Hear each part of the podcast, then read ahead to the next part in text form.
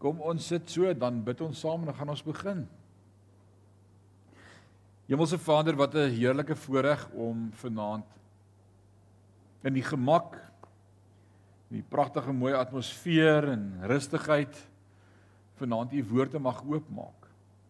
Ons wil bid dat u Heilige Gees vanaand met ons uit hierdie deel uit sal praat. Dat ons vanaand u gees en u hartklop sal hoor as Paulus hierdie lering skryf aan die gemeente aan Korinte, maar ook vir elke kind van God, vir my en vir elkeen hier vanaand. Ek wil bid Here dat U self die prediker sal wees en dat die Heilige Gees vanaand met ons sal werk. Ons stel ons oop. Laat ons oorloop van al U volheid. Ons eer U daarvoor in Jesus naam. En sê ons sê amen en amen. 1 Korintiërs 11 het twee kwessies gehad wat Paulus aangespreek het laasweek. Wat was hierdie twee kwessies gewees? Vrouens, hulle is altyd deel van al die moeilikheid. Dit was uh, eintlik die bedekking van 'n vrou se hoof. En as ons nou terugdink aan laasweek en as jy nou weer ooit met iemand praat oor die bedekking van 'n vrou se hoof, Dan is daar 'n paar goed wat vir jou gaan uitspring wat ons laasweek geleer het. In die eerste plek, wie het kaal hare gehad? Die kaal koppe. Die rede vir die bedekking was sodat niemand uitgesonder of op die spot gesit sal wees nie, maar almal dieselfde behandel en hanteer word in die kerk. Die tweede plek as teken van submission aan haar man dat sy ondergeskik is aan haar man want daar's 'n hiërargie wat in orde en in plek moet wees in elke huis en dis die struktuur wat God so bepaal het dat dit sal wees. En dan kom Efesiërs 5 as Paulus daar ook lering gee en dan sê hy soos wat die man die hoof is van die vrou, so is Christus die hoof van die kerk. Jesus ek wens ons kan net daai een versie vat vanaand. Dis dis dis 'n awesome preek. Hoe's Christus die hoof van die kerk? En hoe's ek dan 'n hoof vir my vrou? Is ek vir my vrou soos wat Christus vir die kerk is? Dis hierdie speel twee kante toe. En as ek dit reg verstaan, dan verstaan ek die belangrikheid daarvan dat tot die engele nie geafronteer moet word nie, maar dat hulle kan sien 'n vrou submit aan haar man. So, dit was laasweek gewees, twee goeters. In die eerste plek die vrou se bedekking en dan in die tweede plek die nagmaal. Dit was die twee goed wat hy laasweek aangepraat het. Met 1 Korintiërs 12 hervat Paulus die vraag wat die Korintiërs brief aan hom geskryf is. En die volgende vraag het glo gehandel oor die uitoefening van geestelike gawes in die kerk. Hier is die volgende vraag. Hy steeds besig om vrae te antwoord wat hulle vir hom gevra het in die brief wat hulle vir hom geskryf het. En nou vra hulle oor die uitoefening van geestelike gawes en ons het reeds in 1 Korintiërs 2 gesien dat die probleem was dat die Korintiërs waarskynlik gedink het dat hulle redelik geestelik is. En hoe Paulus juis vir hulle wys dat jou geestelikheid gaan in 'n juis in 'n verstaan van wie jy is in Christus en jou uitoefening van liefde teenoor jou medemens. Geestelikheid is nie 'n hoe ek is geestelik nie. Nee. En dit bring nederigheid. En die probleem was dat die was dat die Korintiërs waarskynlik gedink het dat hulle geestelik is in teenstelling met ander Christelike kerke. Inteendeel, hulle het gedink hulle is hoër graad, meer geestelik, dieper gered. Jy weet wat sê ek van diep gered? Nee, daar's nie so ding nie. Jy is of gered of jy is nie. En blykbaar was een manier waarop die arrogansie na vore gekom het in hulle uitoefening van hulle geestelike gawes in aanbidding. Dis juis waar die sirkus nou ontlont het is is in 'n dienstyd in hulle aanbidding want dan het die een meer harder probeer profeteer as die volgende een en die ander een wou harder in tale praat as 'n ander een en 'n ander een wou meer probeer uitlei as 'n ander een en dit was hierdie geestelike wetywering gewees in hierdie dienste. So Paulus gaan 'n paar goed sê en ek dink nie dit is om hulle enigsins stil te maak nie, maar om net vir hulle te sê daar moet orde wees. Daar's daar's 'n manier hoe God se gees werk. In 1 Korintiërs 12 tot 14 gee ons Paulus se behandeling van hierdie kwessie dan drie hoofstukke wat hy gaan wy, hoofstuk 12, 13 en 14. En dan begin hy deur te praat oor die geestelike gawes in die kerk. Vers 1 tot 31. Ek volg die nuwe lewende vertaling en ek lees van vers 1 af. En nou, broers en susters, kom ek by julle volgende navraag. Naamlik oor die gawes van die Gees. Ek wil nie hê dat julle hieroor ek wil hê dat julle hieroor goed ingelig Ek wil hê julle moet hieroor goed ingelig wees sodat julle julle gawes reg sal gebruik en sê saam met my reg. So so Paulus se hele lering rondom hierdie gedeelte is sodat daar nie ons kan nie sê sodat nie gawes is nie, sodat ons dit nie gebruik nie, nee, sodat jy dit reg gebruik. Alraai. So die vraag is nie eers uit die staanspoor uit het jy geestelike gawes nie. Inteendeel Paulus sien dit so half as algemeen aanvaar dat almal besef hulle het geestelike gawes. So vir jou is dit dalk al klaar 'n revelation vanaand in vers 1 om te hoor jy het geestelike gawes. Dis waaroor hierdie teks gaan. Jy het geestelike gawes. Paulus wil net hê jy moet dit reg gebruik. Of kom ons los reg en dan sê ons net vir die res Paulus sal graag wil hê dat jy dit gebruik. So vanaand gaan daaroor gaan. Ek is baie opgewonde oor waar ons vanaand begin. 1 Korintiërs 12 vers 1 begin met dieselfde frasering wat ons in hoofstuk 7 vers 1, 7 vers 25 en 8 vers 1 gesien het wat heel waarskynlik beteken dat Paulus weer eens 'n kwessie uit hulle brief aan hom gaan aanspreek. Dis weer uit verwysing, ek verwys na julle brief. Ek verwys na julle brief. En hoewel ons weet dat Paulus op die punt is om geestelike gawes te bespreek, kan dit betekenisvol wees dat hy nie eintlik die woord gawes in hierdie vers gebruik nie. Dit kan eintlik Paulus se nuance wees. Dit sal dit beter vervang om eerder te sê Paulus die direkte vertaling van wat hy sê sal eintlik wees nou praat ons bietjie oor geestelike dinge. Ons gaan nou bietjie geestelik praat. Wat eintlik so bietjie neerhalend is teenoor die gemeente wat reken dat hulle redelik geestelik is en dat alles wat hulle sover oor wou praat geestelik is want hulle is geestelik hoogmoedig. Maar nou het hy al vir hulle 'n bietjie pak gegee en hy het vir hulle gepraat oor hoede en hy het met hulle gepraat oor die nagmaal, hy het met hulle gepraat oor afgodsvleis en liefde, liefde, liefde, liefde, liefde. Hoeveel keer in 1 Korintiërs het ons al vasgehaak by die liefde, Attie? 'n Paar keer. Inteendeel, ons dink hy beweeg weg van dit af. Net die volgende hoofstuk gaan hy die hele hoofstuk lei aan liefde as 'n gawe van die Gees, as die vrug van die Gees, volgens Galasiërs 5. As Galasiërs 5 dan begin leer te sê die vrug van die Gees, vrug enkelvoud van die Gees is liefde. En dan moet daar 'n dubbelpunt wees en dan word liefde gedefinieer deur al die fasette van vrugte hoe liefde kan lyk. Maar jy kan nie een van daai vrugte hê as liefde nie primêr in jou lewe is nie. Die vrug van die God se gees is liefde. Punt. So Paulus gaan die heeltyd terug daartoe. Hy gaan dit oor 'n paar weke as ons 1 Korintiërs 13 kom weer doen. So 'n vertaling sou waarskynlik 'n groot mate van ironie van Paulus se kant impliseer wat die Korintiërs het aan hulle self gedink as geestelik en nie as onkundig nie. En nou skryf hy en hy sê kom ons praat bietjie nou oor geestelike goed. Kom ons kom ons praat nou net bietjie oor geestelike goed. In kursief verskyn die woord gawes nie in die oorspronklike Griekse manuskripte nie. Dis nogal interessant. In die oorspronklike root teks is die woord gawes nie daar nie. Paulus het eintlik gesê nou aangaande pneumatikos. Wat beteken pneumatikos, Tian?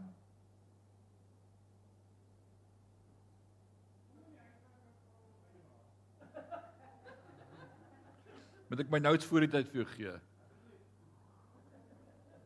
Ek dog dit was dalk deel van julle Griekse klasse gewees. Pneumatikos is die woord geestelikheid. Pneuma, wat beteken dit, Tian? Pneuma Werk jy met pneumatiese toerusting op die plaas, Attie? Air hammers, jack hammers, air tools, kompressor, spray paint, alles pneumatic. Pneuma, die Griekse woordjie wind. Jy het dit nie geweet nie, het jy? Pneumatologie is die die die die die dink en die definisie van die wind van God, die Heilige Gees. Dis die onderwerp van God se Gees in die Nuwe Testament, dis pneumatologie. In die Ou Testament was dit wat gewees? Wat is die die asem van God? En ons sê in Hebreëus die ruach, God se asem. In die Nuwe Testament verstaan ons sy asem is die wind Jesus praat met Nikodemus en hy sê niemand weet van waar af die wind kom en waarheen die wind gaan nie. Dis God se wind, dis die Heilige Gees. Dis een van sy eienskappe. Hy word vergelyk met die wind van God, pneumatologie. En Paulus sou in sy oorspronklike teks gesê het nou aangaande pneumatikos wat niks anders is as geestelike dinge nie. So nou praat ons bietjie oor geestelike dinge met verwysing na die hele gebied van die gemanifesteerde gees van God. Paulus lê die fundamentele kriteria vir hoe om geestelike aktiwiteite wat van God is te onderskei van geestelike aktiwiteite wat nie van God is nie. Dit is belangrik. Sommige uit die staanspoor wil ek vanaand sê alles wat geestelik is, is nie God se gees nie. Moet ek dit weer sê? Alles wat geestelik is, is nie God se gees nie. Daar's 'n okkultistiese wêreld, daar's 'n ander wêreld, 'n ander geesriem wat net so 'n werklikheid is soos die riem van God se gemanifesteerde gees. Bose geeste, waarskers, witchcraft. Dis 'n werklikheid. Dis daar. Maar groter is hy wat in my is as hy wat in die wêreld is. So ek wil sommer dit vanaand onomwonde verklaar. As kind van God is daar geen groter houvas van hierdie geestelike invloed op my lewe nie. Ek is verseël met die gees van God. Jy kan probeer 'n vloek uitspreek geen houvas op 'n kind van God nie. Maar is 'n werklikheid. Dit is daar. En jy kan hierdie goed in die geestelike dimensie beleef en dit maak dit baie keer net moeilik om asem te kry. En as jy dit nie onderskei nie, maak dit dat jy en jou vrou nie lekker dadelik agterkom hoekom julle oor nonsens beklei nie. Ons gaan ander dag lekker daaroor praat. oor die geestelike riem. So Paulus sê, kom ons praat oor geestelike dinge. En Paulus lê die fundamentele kriteria vir hoe om geestelike aktiwiteite wat van God is te onderskei van aktiwiteite wat nie van God is nie. Vers 2. Julle weet, sê saam met my weet. So hier's iets wat hy aanneem die gemeente weet En hy sê ook vir hulle wat hy dink hulle moet weet. Julle weet hoe julle destyds toe julle nog ongelowiges was onder die aantrekkingskrag van die verskillende afgode herwaarts en derwaarts rondgesleep is. En dit nogal deur beelde wat nie 'n woord kon praat nie. So hy sê kom ek praat nou met julle geestelikes oor geestelike dinge. Kom ons begin by die begin. Kan julle onthou hoe julle agter al die afgode aangehardloop? Dit bring bietjie nederigheid om te onthou waar jy was. Wat kan jy onthou die jare wat jy nie die Here gedien het nie? En hoe elke liewe invloed en elke liewe ding jou beïnvloed het en jy jou laat beïnvloed het en jy gedink het alles is awesome en hartjie by my net weer agter die volgende ding aan. Paulus verwys daarna. So die Korintiërs was ongetwyfeld goed bekend met hierdie uitdrukkings van spiritualiteit vanaf die tyd hulle saamgebring het kerk toe en dis juis hoekom Paulus dit nodig vind om te sê, "Wow, kom ons begin net by die begin ek verduidelik vir julle hoe werk God se gees." Want God se gees is anders as die gees wat in die wêreld is. Is totally anders. Totally anders. Right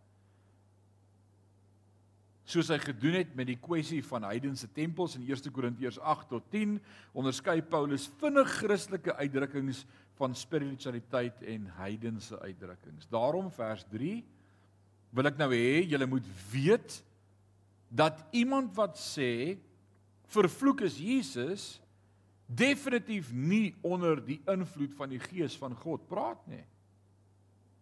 Aan die ander kant is dit net die Heilige Gees wat vir iemand dit moontlik maak om te verklaar Jesus is die Here. Hier is dit moeilike een. Vers 3b is maklik om te verstaan. As die Gees nie in jou hart aan jou openbaar dat Jesus die Here is nie, kan jy dit nie verstaan nie. Want jy wil nie weet dat Jesus die Here is nie.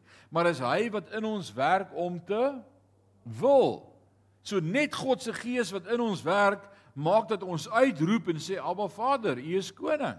Maar wat beteken die eerste deel van hierdie vers?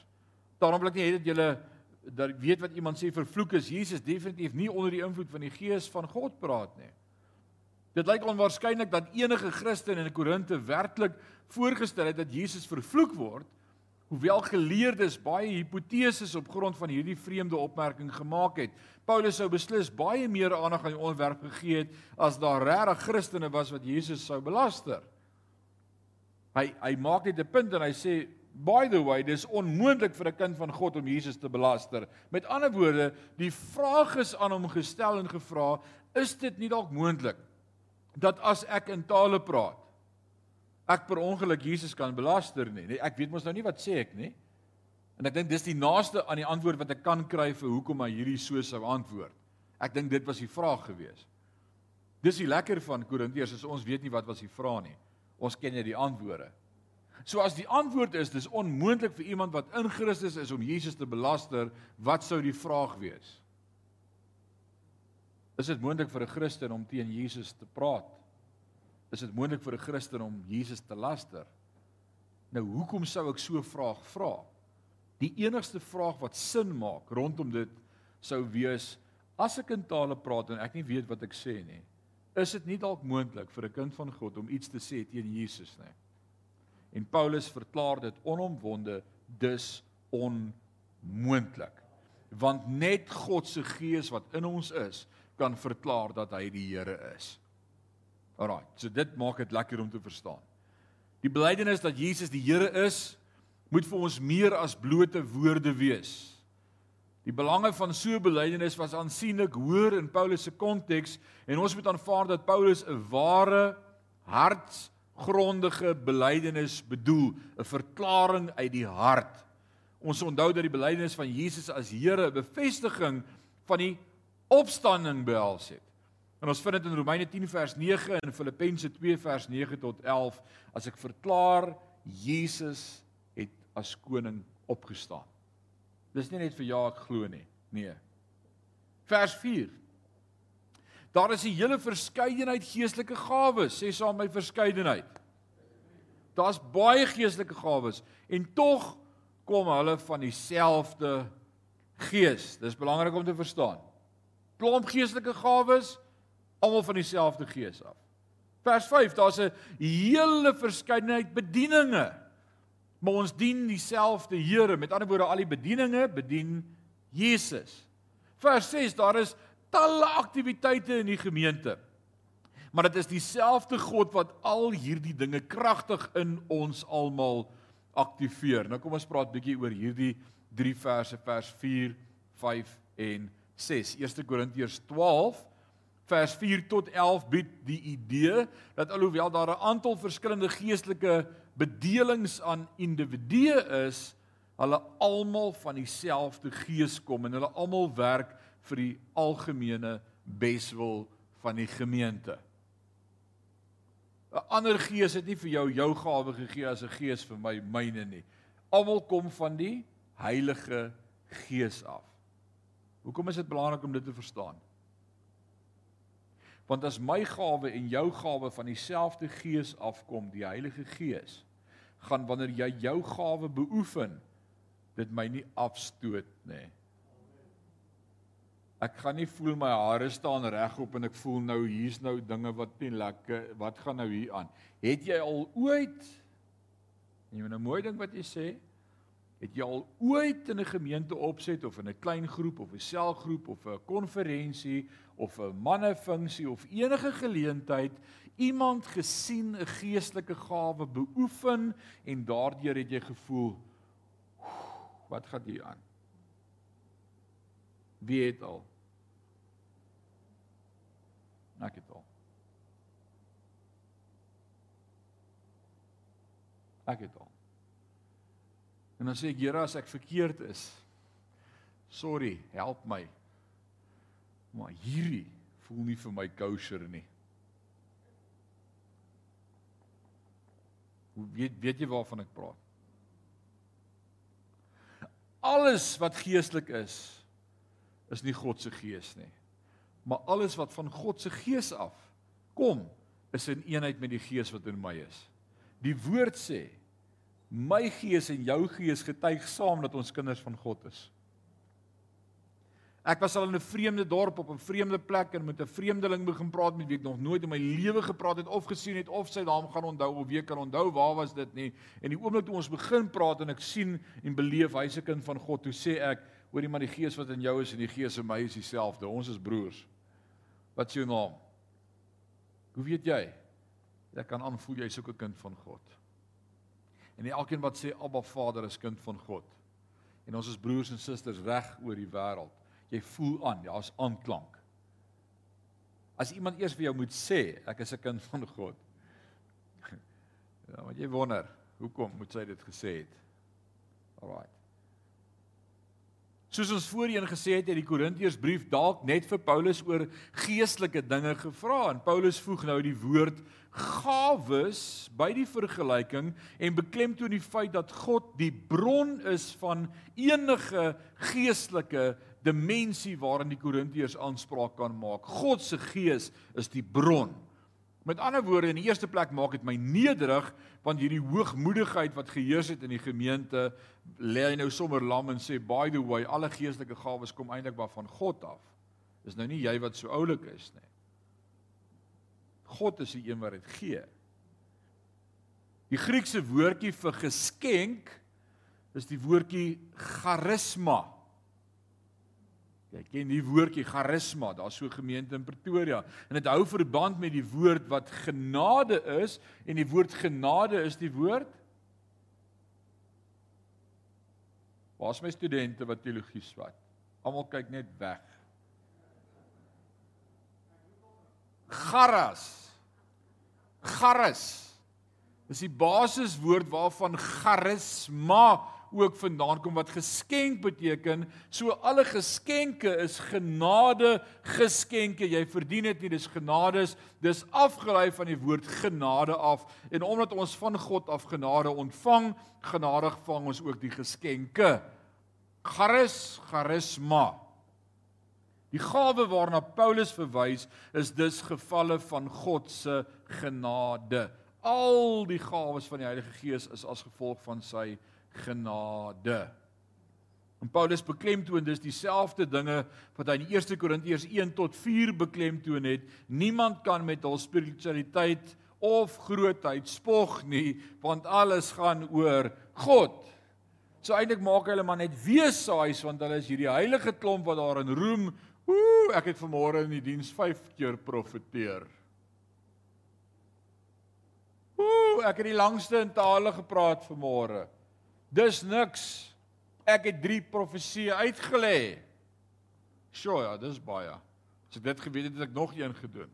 Daar's die heeltyd hierdie wetywer en nou kom Paulus en hy maak hulle almal en hy sê, "Hey, al hierdie goed wat julle so oorbreek, is alles mos nou geskenke van God af. Dit gaan nie oor julle nie. Niemand kan hulle spiritualiteit of grootheid mee spog nie. Ware wysheid en geestelike krag kom alleenlik van God. Wat hierdie feit beteken is dat ons baie versigtig moet wees om een of ander eenvoudige vergelyking tussen geestelike gawes en natuurlike vermoëns te probeer maak. Oppas. Die oomblik as die woord ek of eie of my in die sin is of dan moet jy pas op. Ek het nee, jy het nie. Paulus se klem is op God as hulle bron en oorsprong en nie op iets wat ons uit onsself uit net kan doen nie. Nog 'n interessante aspek van hierdie opmerking is die manier waarop Paulus al drie persone van die drie eenheid noem. Hy noem die Vader, hy noem die Seun, hy noem die Heilige Gees. Baie interessant. Alhoewel Paulus nog lank nie 'n verklaring oor die drie eenheid van God gemaak het nie en ek wil in hakkies sê dit sou amper nog 300 jaar duur voordat die kerk 'n uitspraak maak rondom die drie eenheid van God. Op hierdie stadium was dit vir die kerk nog Hulle het verstaan daar's 'n God, hulle het verstaan in Jesus, hulle het verstaan die Heilige Gees, maar daar was nog geen konsep of definisie gevorm rondom die drie eenheid van God nie. Dit het eers in die jaar 300 na Christus gekom. Toe die kerkvaders besef het maar, maar maar ons kan praat van God die Vader, God die Seun en God die Heilige Gees. Maar maar, maar Paulus maak aanspraak en hy verwys na al drie en Paulus noem die Gees die Here Jesus en God die Vader. Hy noem al drie. En dan soos Prof Marius baie tong in die kies sê net om jou bietjie te laat wonder of jy alles weet, dan sê ek vir hom, "Wat sê jy van die drie eenheid?" Dan sê hy, "Wie sê daar's net 3?" Ons is te dom, ons verstaan net 3, maar ons kan nie God inperk en probeer beskryf nie want ons weet nie, want ons is dom mense en ons kyk na iets wat ons geen klou van het en ons sê o, ons is baie slim, dis 3. Ons soos wat jy God se woord lees en dieper in die woord is, kom jy agter God is enigiets. God God kan God is dalk 3 biljoen. Ons weet nie. Maar ons praat van God die Vader, die Seun en die Heilige Gees. Die Gees verteenwoordig God in die wêreld. Die Gees verteenwoordig die Heilige Gees eh, God in die wêreld. Jesus is die koning, die Here van die heelal. So dit vanmôre so mooi gelees in Hebreërs 1 vers 2 wat sê in hom is alles en alles is verenig in hom en hy regeer oor alles. Eh, Efesiërs 1 vers 16 wat sê hierdie is die geheim dat alles in die hemel en onder die aarde onder een hoof sal verenig in Christus. Hy is die baas van alles, Jesus. En dit maak God se hart bly. Hy het, hy het Jesus alles laat erf. So Jesus is die koning en die Here van die heelal en God is die uiteindelike bron van alles. Niks kan bestaan sonder dat God is die bron, die energie agter alles. In die Griekse woord wat met die aktiwiteit of aktiwiteite vertaal word in vers 6, né? Daar is talle aktiwiteite in die gemeente. Wat sê die ou 3353 vertaling?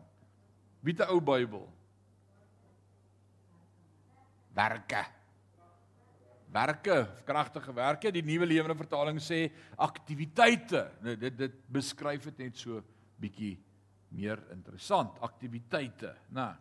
En die Griekse woord wat met aktiwiteite vertaal word is enargemma energemma waaruit ons die woord energie kry in die Engels. Energie die bron die krag vir wat ons doen is hy die outeur van dis uit God. God gee die inspirasie en my die energie om goed te kan doen. Is dit nie mooi nie? Ek kan dit nie uit myself doen nie. Dis hy wat in my werk om te wil. En soos in vers 4 sien ons die verskillende gawes, maar dieselfde Gees. In vers 5 sien ons die verskillende bedieninge, maar is dieselfde Jesus. In vers 6 sien ons verskillende energieë, maar dieselfde God. Daar's 'n eenheid. Daar's nie verdeeldheid nie, selfs in die drie eenheid is daar 'n een eenheid. Belangrik. Vers 6 sê daar is talle aktiwiteite in die gemeente, maar dit is dieselfde God wat al hierdie dinge kragtig in almal aktiveer. So die gawes is aan die Gees gekoppel. Die bediening is aan die Seun gekoppel en die aktiwiteite is gekoppel aan die Vader. Kom ons praat bietjie daaroor. Gawes, bedieninge, werke of aktiwiteite. Gawes, bedieninge, werke of aktiwiteite. Daar is een gees agter alle geestelike gawes, maar die gees gawes verskillende individue op verskillende maniere. Maar is een bron. Nou word aan elkeen die openbaring van die Gees gegee vir die algemene beswil. Hoor wat sê vers 7. Elkeen sê saam met my elkeen van ons is dit jy ingesluit? Willie is dit jou ingesluit? Is dit elkeen van ons? Pieter is dit jou ingesluit? Is dit jou ingesluit? Son is dit jou ingesluit? Elkeen van ons ontvang, sê saam my ontvang. My verstaan van hierdie teks gaan bepaal of ek dink ek kwalifiseer of nie. Die woord sê Paulus sê elkeen van ons ontvang 'n manifestasie van die Gees om die gemeente te bevoordeel.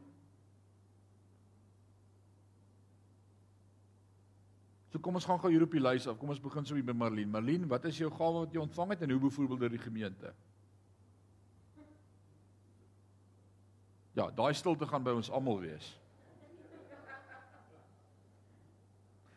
Want ek is passief. Ek sit terug.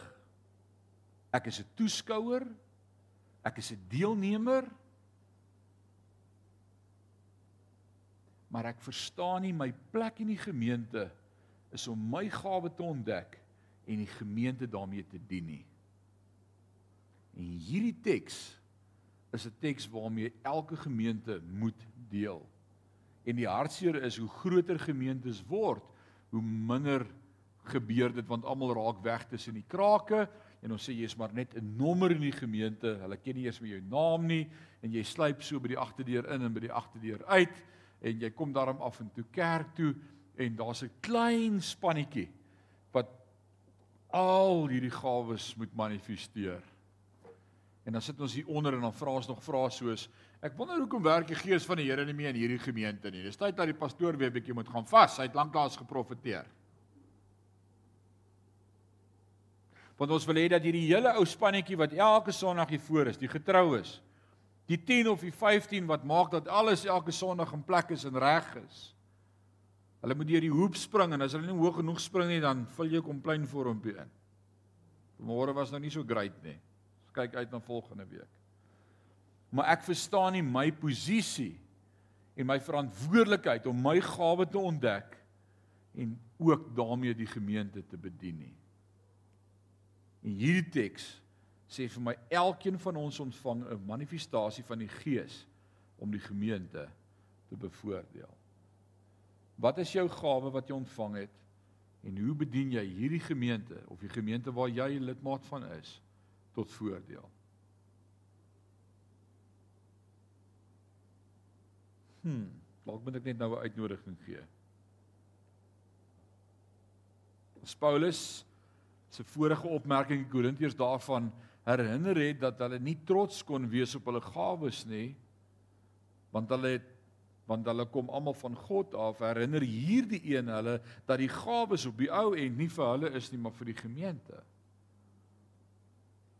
Die gawes is altyd vir die gemeente. Alles wat ek doen, alles wat die Heilige Gees deur my doen is nooit vir myself nie, maar altyd vir die gemeente. Tot opbou van die gemeente. Die gawe van God is bedoel vir die opbou van die hele kerk. Hoofstuk 14 vers 4 gaan dit vir ons sê, eerder as vir die persoonlike voordeel. Dit gaan nie oor my nie. Die Heilige Gees is nie vir jou gegee sodat jy hoendervleis kan kry en jou hande skud nê. Met alle respek. God se gees is vir jou gegee sodat sy gawe deur jou kan manifesteer en die hele gemeente daardeur kan opbou. En as die gawe nie opbou nie, dan sit ek 'n vraagteken, is hierdie gawe dan van die Heilige Gees? Want Paulus sê die gawe van die Gees bou die gemeente op sê een pastoor eendag ja, maar hy het 'n bediening van afbreek. Ek weet nie, ek kry dit nie in die Bybel nie. Alraai. Dit is my persoonlike oortuiging dat hierdie 3 verse die misterie van hoofstuk 12 ontsluit. Dit maak dit vir my oop. Jy sien alhoewel die woord van wysheid tale en inspirasie, genesing, wonderwerke en geloof dikwels na verwys word as die gawes van die Gees, glo ek die gawes van die Gees word tegnies net op een plek gevind en die gawes van die Gees waar in die Bybel dink jy vind ons dit? Kom, julle ken mos julle Bybel. Waar vind ons die gawes van die Gees? Romeine 12. Wie van julle was in my Romeine woordskool dat ek die hande sien? Dis die geestelike gawes, Romeine 12. In Romeine 12 sien ons prakties hoe die gawes van die Gees manifesteer in die gemeente. Dit is die enigste keer dat die woord gawes eintlik gebruik word is in Romeine 12. Dis in Romeine 12 dat ons die gawe van profesie, bediening, lering, vrymaking, gee, regeer en barmhartigheid sien. Dis in Romeine 12. Dis die geestelike gawes. En ek glo elke broer en suster het een van die primêre motiverende gawes wat in Romeine 12 gesien word. En dis dalk waar ek en jy eerder moet begin as dit by myself kom.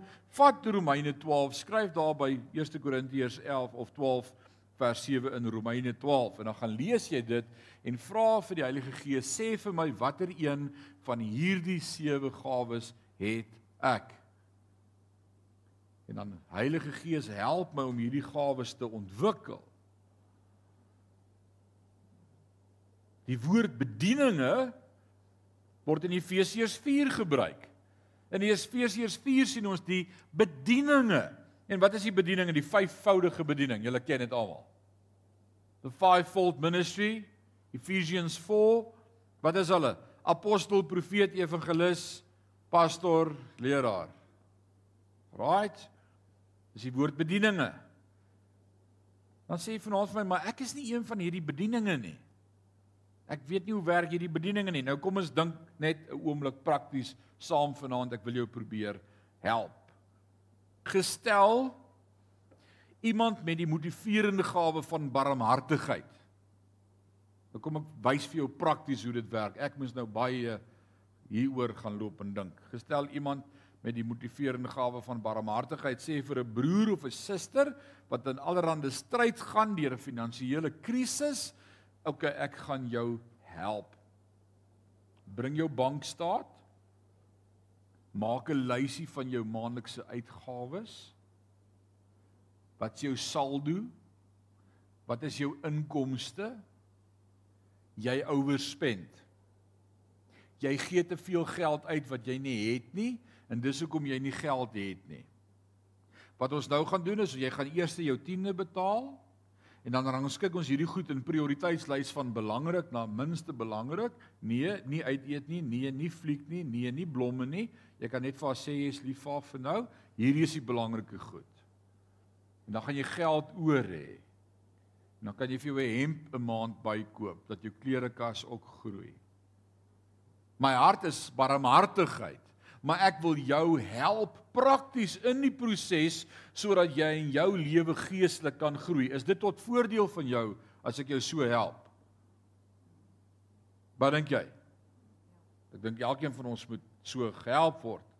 Alraait. Nou gaan hy verder en ek sê ek wil jou een keer 'n maand ontmoet. Op die eerste van elke maand kom ons en ons print 'n bankstaat. Ek wil hierdie pad met jou geestelik stap om jou te help na oorwinning uit vryheid uit, weg van skuld af. Ons vertrou die Here dat ons in 12 maande uit die skuld gaan wees. Jy gaan sien, jy gaan dit regkry. Ek is getuienis daarvan. Ek wil jou help. Elke een keer 'n maand gaan ons saam hierdie state rekon. Ek wil met jou deel op hierdie gebied en ek wil vir jou leer. Op daardie stadium sou die persoon met die gawe van barmhartigheid niks anders doen as om die rol van 'n pastor in iemand se lewe te vervul nie. Want dis die werk van 'n pastor.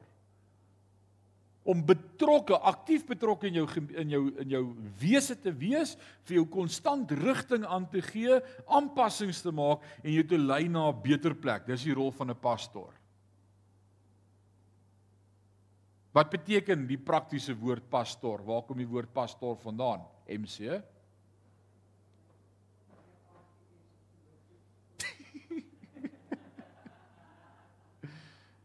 Wat beteken pastor?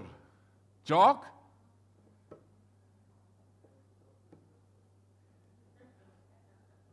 Die woord pastor is die woord uit die Bybel uit wat niks anders beteken as herder nie.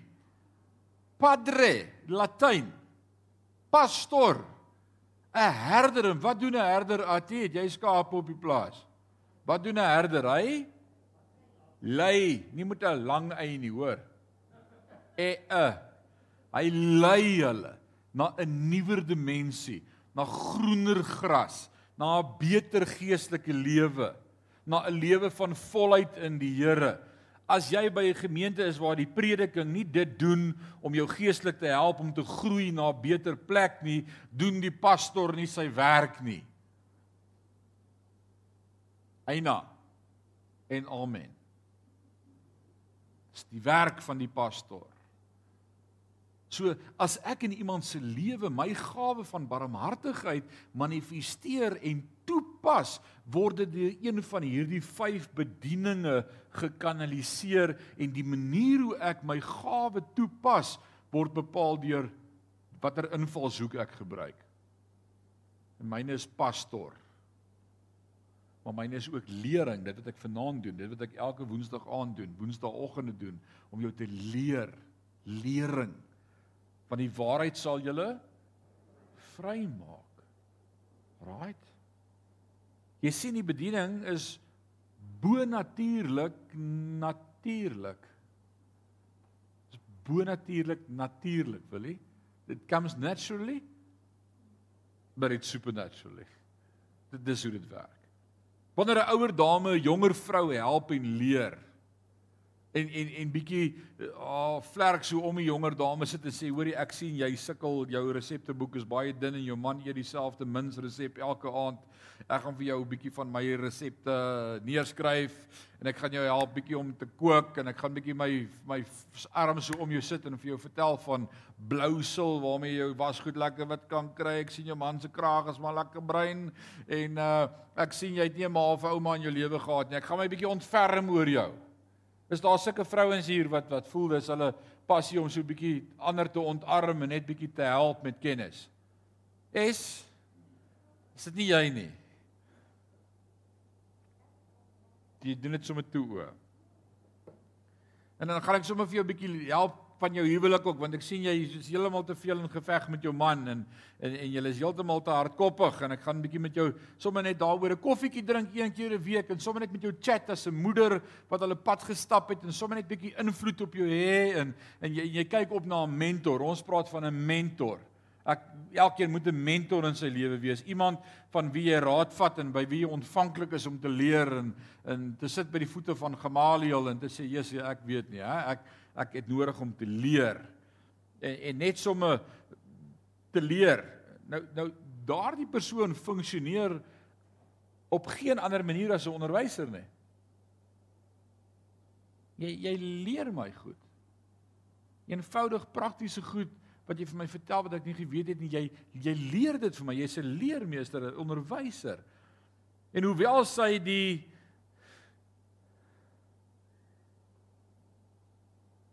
geen ondervinding het oor pneumatologie of eskatologie nie of dogma nie, gebruik sy die gawe van onderrig in dieselfde mate as iemand wat agter 'n preekstoel staan oor praktiese goedjies dag tot dag is niks anders as lering nie. Jy hoef nie altyd agter 'n kansel te staan en te sê so sê die Here om 'n gawe te hê nie. Net jou manier hoe jy met mense om jou werk prakties. Hoe lift jy hulle op? Hoe spreek jy in hulle lewe in? Of hoe jaag jy hulle met jou woorde weg? Ons moet attent wees daarop dat elke manier elke geleentheid wat ek het wat ek met iemand praat, hoe gaan die gawe deur my manifesteer? Gaan ek hom iets leer? Gaan ek hom uh barmhartigheid op hom toepas? Gaan uh, wat watter gawe wil God hê moet deur my manifesteer? Nou sê gou vir my, wie van julle dink julle het net een gawe? OK, kom ons sê hier so, wie dink hy het nie 'n gawe nie? OK, great. Johan, wat is jou gawe? Kennis. Hoe dra jy dit oor? Hoe dra jy dit oor? Aan wie dra jy dit oor? Gebruik jy jou kennis? Is jy 'n instrument van God dat die gawe van kennis deur jou kan werk? Of hou ek dit vir myself? Louis, wat is jou gawe? Wat se bediening? Praat jy van diensbaarheid? O ja, jy was jy was goed in die huis. Alraai, jy jy moet dalk vir al ons mans kom bid dat ons dit ook kry. Ons vrouens sukkel met ons. Maar om diensbaar te wees, dis 'n bediening. Hoe laat jy toe dat God jou diensbaarheid gebruik om mense om jou te beïnvloed? Dat as jy wegstap, hulle sal sê, "Jesus, daai ou is vol van die Here. Die Heilige Gees het my bedien." En elkeen van ons moet daai vraag vir ons vra vanaand prakties, wat is my bediening? Wat is my gawe, my geskenk? En dan wil ek vanaand vir jou 'n interessante ding sê. As jy op daardie plek kom wat jy gaan besef dat die Heilige Gees die geskenk is. Hoor mooi wat ek sê. As jy op daardie plek kom wat jy gaan besef dat die Heilige Gees die geskenk is en die Heilige vir hom vra wat wil u deur my doen? Dan raak die lewe interessant. Want ek is net 'n instrument, is nie ek nie. En ek het julle dit al vertel hoe ek dan as 19-jarige seun genooi word om in Groblersdal op 'n plaas te gaan kuier by vriende wat my op 'n slinkse manier daar wou hê. En die aand vir my sê ons het net so 'n paar gaste genooi om te kom kuier en jy moet vanaand vir ons 'n bietjie klavier speel. Ons wil 'n bietjie sing song en ek sê dit doen ek toe o, dis nie 'n probleem nie. In 5 minute voor 7 toe die mense nou al daar begin sit, toe kom Rolf Swanepoel en hy sê vir my, "By the way, jy moet sommer net ietsie share vanaand." En dit is soos don't go there. I not share. Ek sal sing. Maar nie preek nie. En terwyl ek jou aansing en worship bedien, sê ek Here, nou moet U vir my help vanaand, want ek weet nie wat moet ek sê nie. En die snaakste ding gebeur. Toe ek voor daai mense gaan staan en sê okay, ek Here, wat wil U doen? Ek het hard gebid. Toe gee die Here vir my 'n profetiese woord. En nie vir die groep nie, vir twee individue wat so in die tweede ry voor my sit in die sitkamertjie waar daar so 40 mense op stoeltjies sit. Ek sê oom Tannie staan op. Ek's 19. Ek het hierdie ding nog nooit in my lewe beleef nie. Ek weet nie hoe dit werk nie. Maar ek voel ek het 'n woord vir julle twee.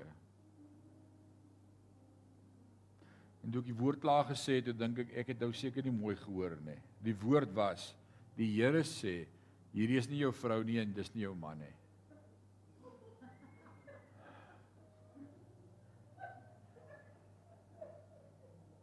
MC.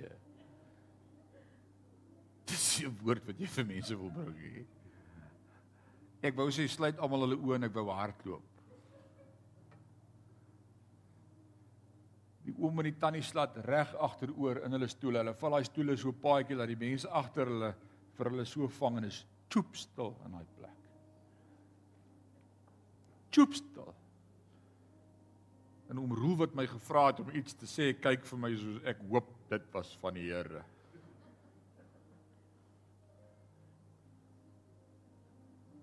En ek sê jy moet saam met hulle bid, Roel, vanuit hulle daar uit en na 'n halfuur kom hy terug. Hy sê net die Here weet hoe jy dit geweet. Hulle het albei geëloop van die stad af. Groblersdal toe getrek, 'n flat gekry, vir almal gesê hulle is getroud, maar hulle leef in sonde. God het gesê ek sien julle en julle lieg. Was dit ek is ek die profeet? Nee. Maar God het 'n profeet nodig gehad en ek moes net sê U is die gawe, wat wil u doen? Dis hoe hy werk. Dis jy het nie die gawe van profesie en nou is jy die profeet en ek kan op my visitekaartjie skryf profeet Rinus van Sandwyk nê. Nee. nee. Nee, die Heilige Gees is 'n geskenk. Wat wil hy deur jou doen? Het die Here mal gebruik vir genesing? Ja. Ja. Here het al vir my woord van kennis gegee, woord van wysheid. Ja. Die Here my gebruik vir lering. Ja. Louis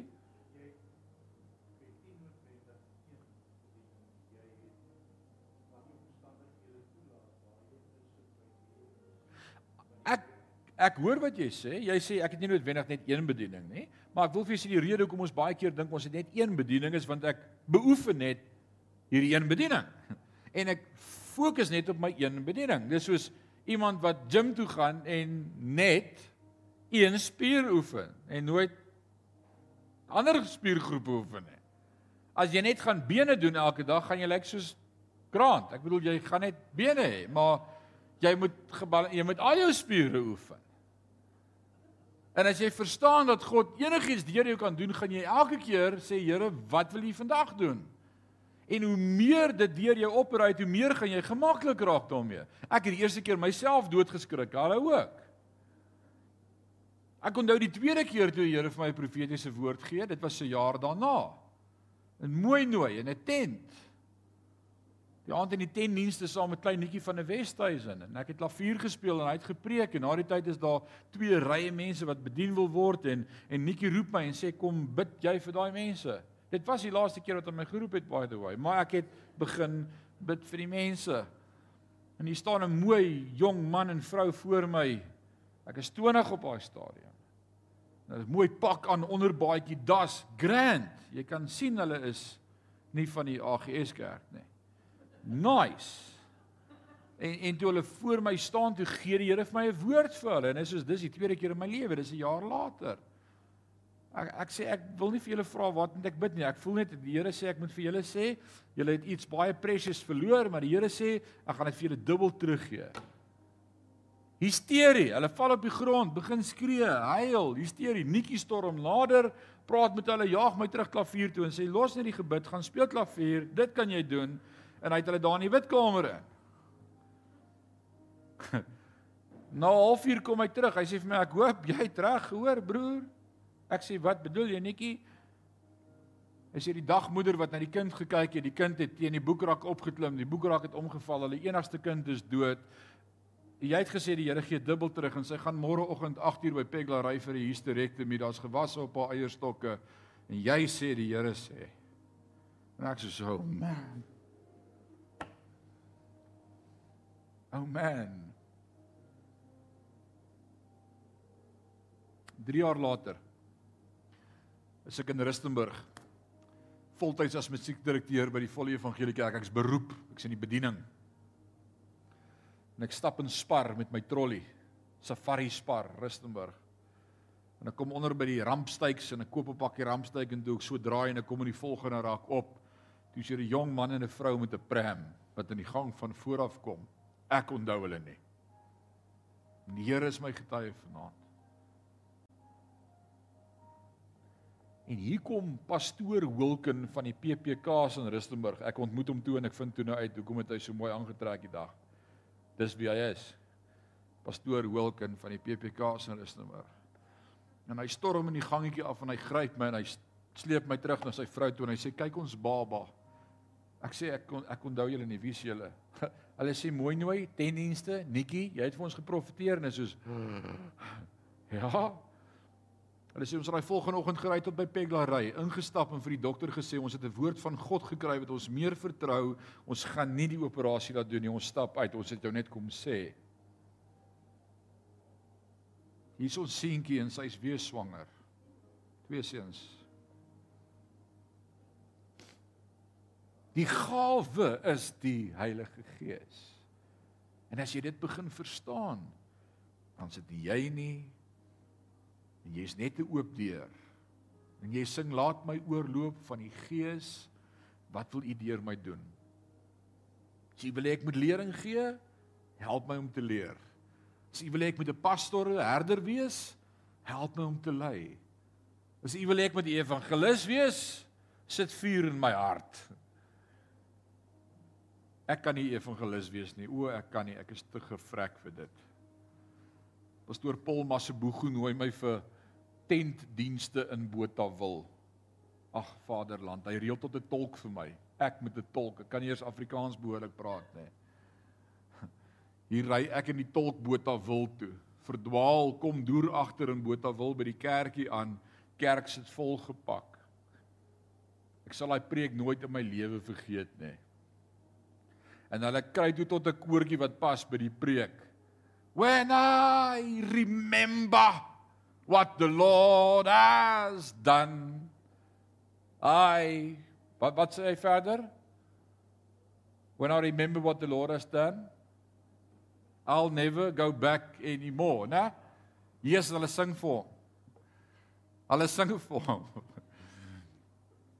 En daar kom 'n evangelistiese salwing oor my en ek sê, "Wel Here, as ek nou vanaand met evangelis wees, dan moet U vir my help." Kyk, ek het geleer hoe preek jy evangelis. Jy moet net alles 3 keer skree. Dis die student wat voorberei en sê weak point, shout like hell. Dis soos skree net, dis evangelisties. Maar, maar dis die gawe, dit is die Heilige Gees wat dit deur jou doen. Nou, aand begin ek vir die ouens bid na die tyd en ek wil nie meer afsluit vanaand en ek breek nie oor myself nie. Jy ken my lank genoeg om te weet ek weet wie ek is. Ek is niks sonder Christus, nê. Maar dit is sy gees wat deur my werk. Ek wil jou daardeur vanaand encourage. Ek wil iets losmaak in jou om te sê God gebruik alle mense, maar dit is sy gees wat deur jou werk. En hy lang ry wat siek is die aand swart is Volgende oomblik staan hier 'n ou Magog voor my. En sy het iemand wat haar lei in haar arms. Sy's blind. Die oë is so opgedop, kan niks sien nie. Sy's blind. En sy kyk vir Paul. Ek ek nog nie eens vir 'n blinde. Ek ek kon nie vir gelus wees vanaand, maar siek is ek ek En ek hoor hoe die Here vir my sê druk haar. En ek sê hierdie is nie van die Here nie. Hierdie was nie die Here nie. Ek druk nie die squeeze aan nie. Nee. Dit kan nie van die Here wees nie. En ek het split sekonde, dis 'n nasies met God oor my dooie liggaam. enigste blanke my hele kerk in Botawil. Ek sê Here, kan nie. Kan jy nie sien sy's blind nie. Sy het nie 'n drukkie nodig nie. Sy's blind.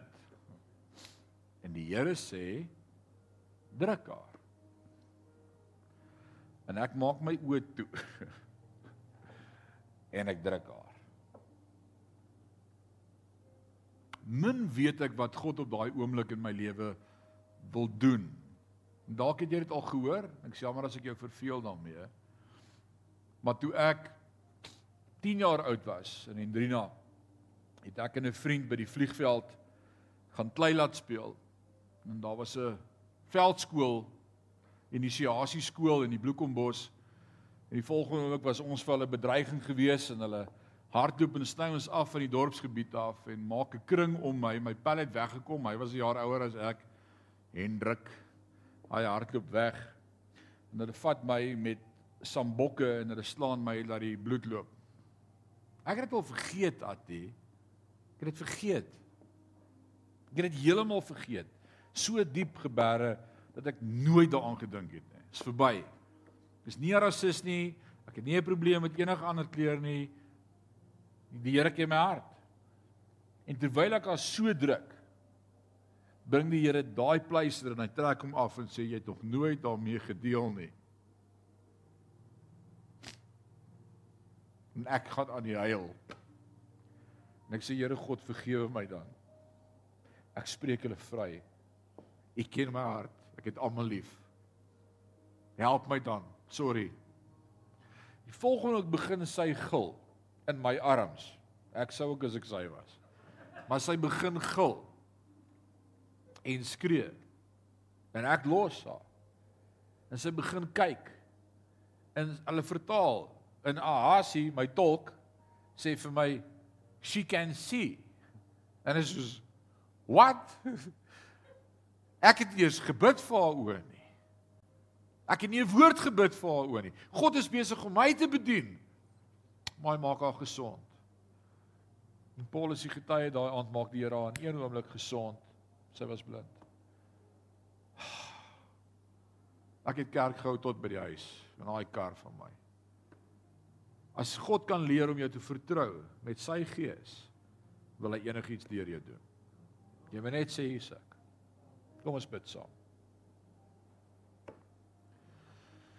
Vader, is so awesome om oor die Heilige Gees te praat en ons is so opgewonde oor wat voorlê en waarheen ons op pad is en wat U vir elkeen van ons gaan doen in ons eie lewe en ons is ons is op 'n journey met U en dis kosbaar en dis great vanaand om net vanaand al te verstaan dat U aan elkeen van ons 'n gawe gegee het. Ek wil vanaand byvoeg en sê U Heilige Gees is die gawe en U kan deur elkeen doen net wat U wil. En ek wil bid Vader dat U in hierdie komende paar weke terwyl ons die voorreg het om so saam te mag gesels uit die woord uit dat U in elkeen se lewe blywende werk sal doen dat elkeen van ons 'n oop kanaal sal wees vir die werking van die Heilige Gees en dat U deur ons kan manifesteer soos wat U wil. Dit is 'n blessing om so saam te praat oor die woord. Ons is opgewonde oor wat gaan kom en ons wil vanaand net bid en sê ek stel my oop.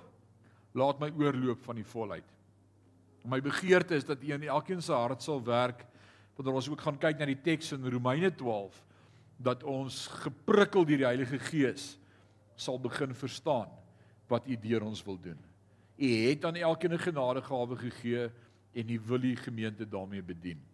Ons is opgewonde om deel te mag wees van U kerk. Dankie Heilige Gees dat U ons wil gebruik en ek wil vanaand sê dankie dat U ons gaan gebruik.